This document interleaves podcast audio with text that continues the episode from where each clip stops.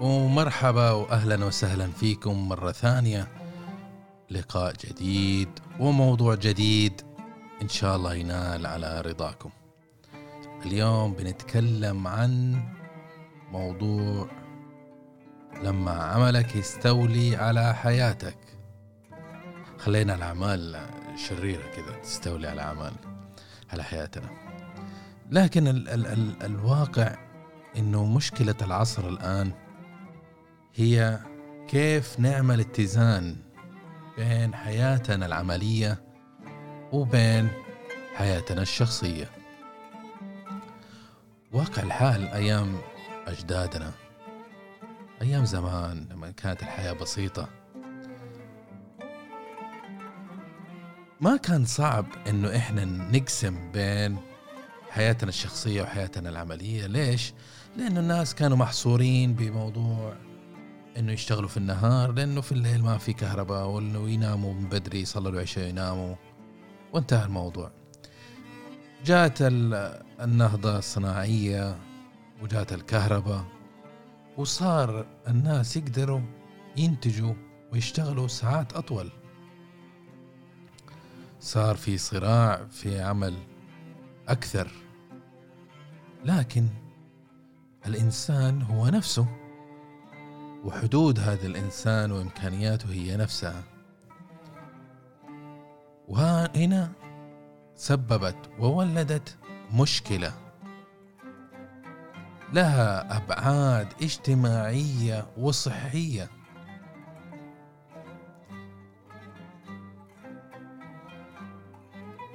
المحور الأول خلينا نقول كيف نعرف إنه إذا فعلا؟ إنه في خلل في هذا الاتزان وإنه العمل بدأ يستولي على حياتي الشخصية. دائما تذكروا إنه إحنا نعمل عشان نعيش. نعمل رزق نبني مستقبل لأولادنا ونبقى العجلة التطور تستمر. لكن ابدا إحنا ما نعيش عشان نعمل. كذا صارت هذه عبودية. كيف نعرف إذا إنه اعمالنا بدأت تستولي على حياتنا؟ في كذا نقطة خلينا ناخذ نظرة سريعة عليها. إذا كنت أنت ما تشتغل في وظيفة أنت تحبها وعارف أنك أنت ما تحب هذه الوظيفة لكن تشتغل فيها هذه أول علامة أنه العمل بدأ يسيطر عليك. تعرف ليش؟ لأنه أنت قاعد تعطي الوظيفة هذه من عمرك ومن وقتك ومن مجهودك وتفكيرك. هذه الموارد إذا راحت ما ترجع ابدا ما ترجع. الدقيقة الساعة اليوم الشهر السنين تعدي وبسرعه وإذا عدت ما ترجع يا جماعة ما ترجع. علامة أخرى ثانية إنه إذا كانت عائلتك كل ما قابلتك قالت لك خلينا نشوفك ما بنشوفك أنت مشغول ليك شهر. ما بنشوفك إلا في الليل تيجي تتعشى وتحط راسك وتنام. إذا كان في حوار زي كذا تعرف إنه في شيء خلل. في شيء خلل لازم تنظر فيه. في شيء ثاني وأنا منهم. وقاعد أقاوم هذا الشيء إنه في كل مجلس وفي كل حوار الشيء الوحيد تتكلم عنه عن العمل. ما عندك شيء ثاني. هذا معناته إنه عملك سيطر. واستحوذ على تفكيرك. إذا جيت حطيت رأسك على المخدة في الليل قبل ما تنام فكيت الإيميلات تشيك اخذت تشيك على الإيميلات. هذه مشكلة كبيرة. تعرفوا إنه في منظمة اشتغلت فيها؟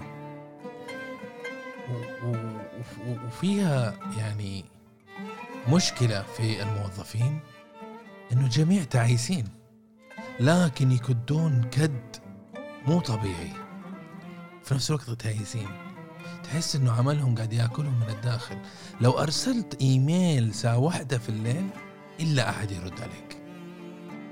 ويكند عيد نهار ليل الجميع يرد.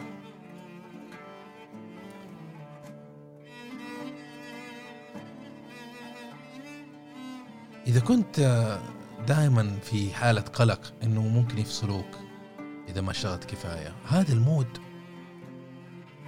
إذا أنت حسيت نفسك فيه بغض النظر أنت ممكن قاعد تكد بأقوى ما عندك بأعلى ما عندك وبكل إمكانياتك. لكن إذا عندك الإحساس هذا إنك لازم تسوي زيادة وجلد الذات هنا هذه علامة مشكلة انه في مشكلة.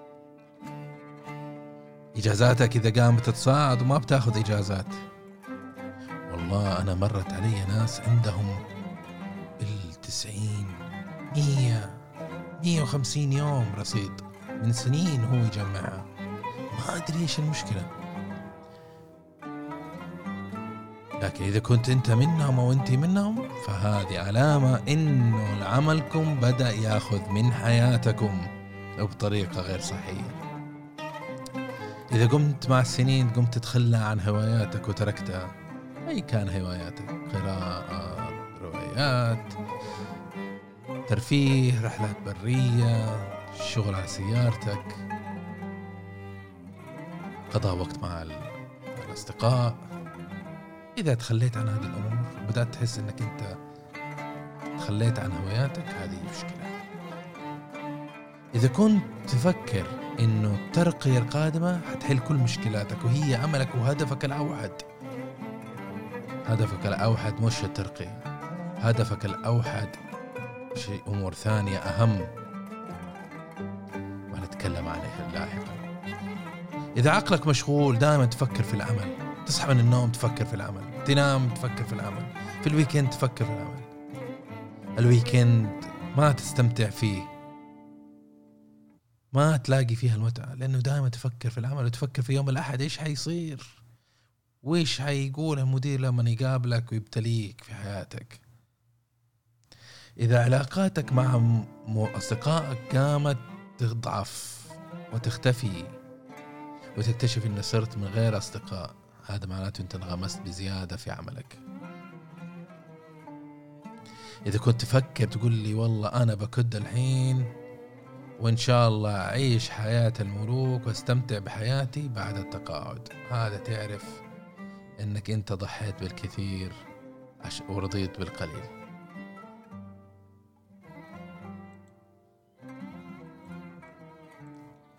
بالنسبة إنه تسبب إشكالية في الصحة العقلية وفي الأداء وفي الكفاءة موضوع إذا كان في تقطع مستمر في العمل. التقطع المستمر في العمل يؤدي إلى تعاسة وقل في الإنتاجية. تقارنها بإيش؟ تقارنها مثل النوم المتقطع. لما تقول لي واحد كيف كانت نومتك أمس؟ كيف أصبحت؟ والله كل 15 دقيقة كنت أصحى. ابدا ما حتفكر إنه هو الرجال كان نايم نومة جميلة. إذا قال لك هذا الكلام. ليش تفترض إنه في بيئة العمل عادي إنه كل 15 دقيقة أحد يطب على الثاني ويكلمه في موضوع يرسل له إيميل يتصل عليه. إذا فعلا هذا السيناريو صاير معناته أنت فقدت السيطرة على عملك وجودة مخرجاتك خفت وعليك مراجعة نفسك وبسرعة.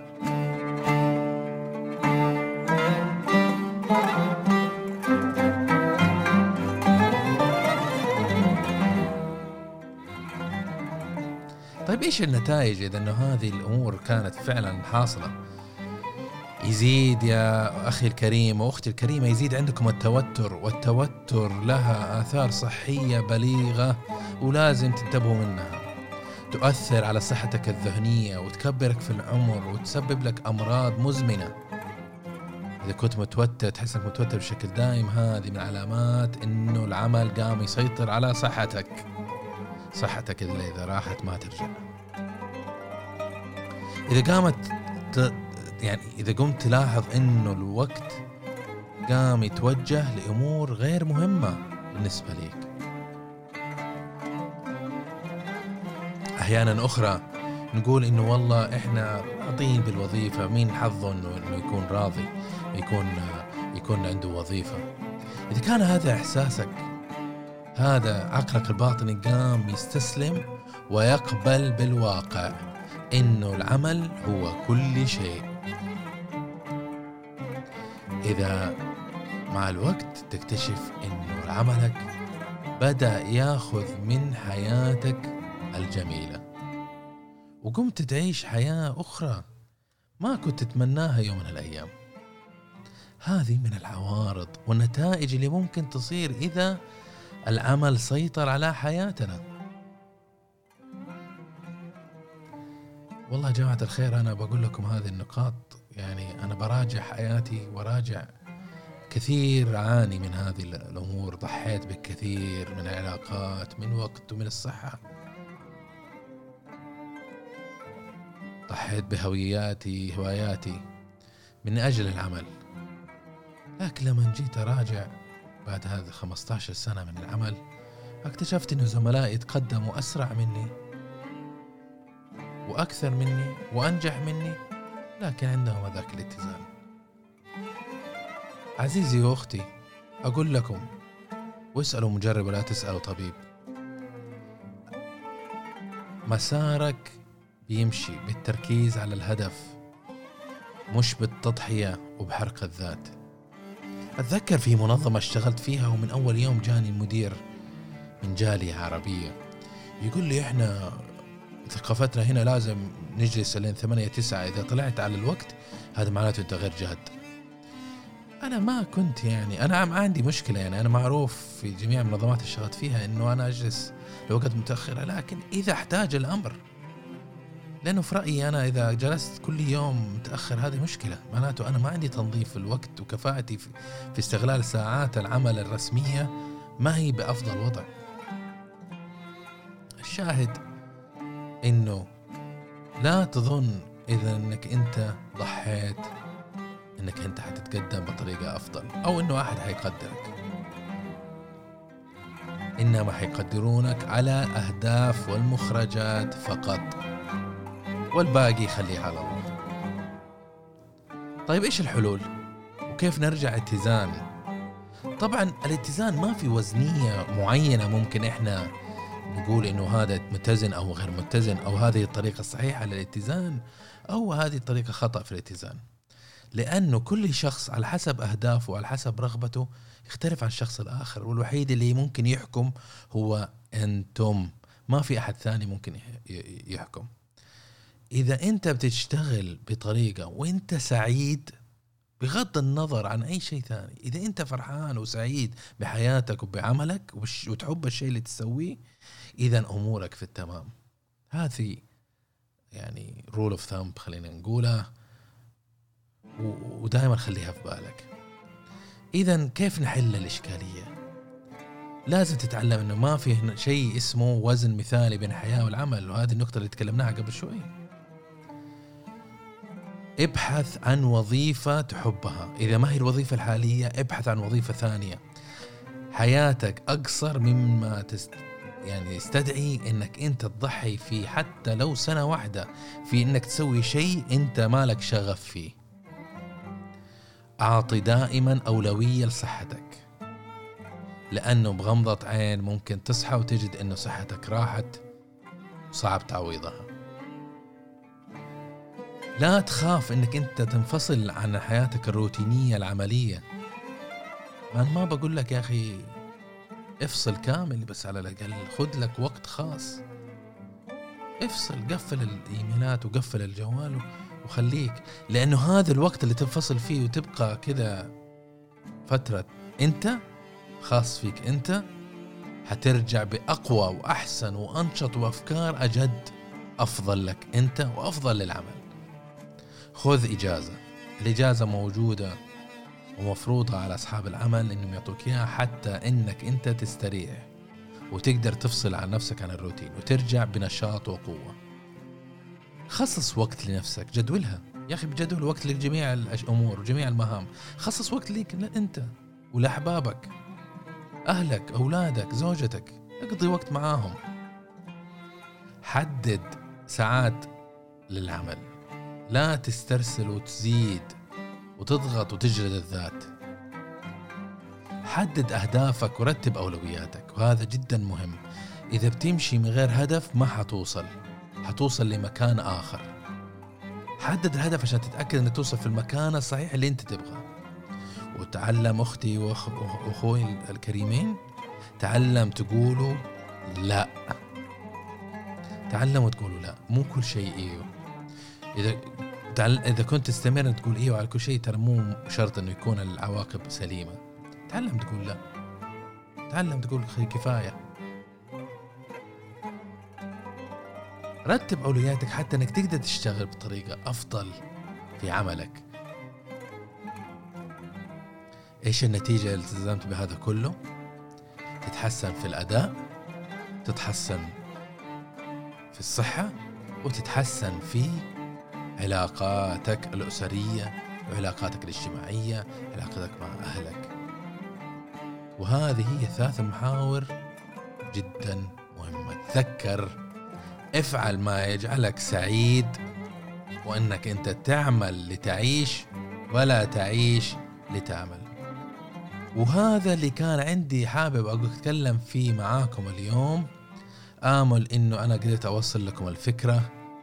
وشاركوني إذا كان عندكم أسئلة أو إشكاليات في هذا الموضوع أو اقتراحات أو تجارب راسلوني. أنا أشكركم يعني الأخوان والأخوات اللي كانوا يرسلوني على الحلقات الماضية وكان في جلسات استشارية أو نقاشية بيني وبينهم.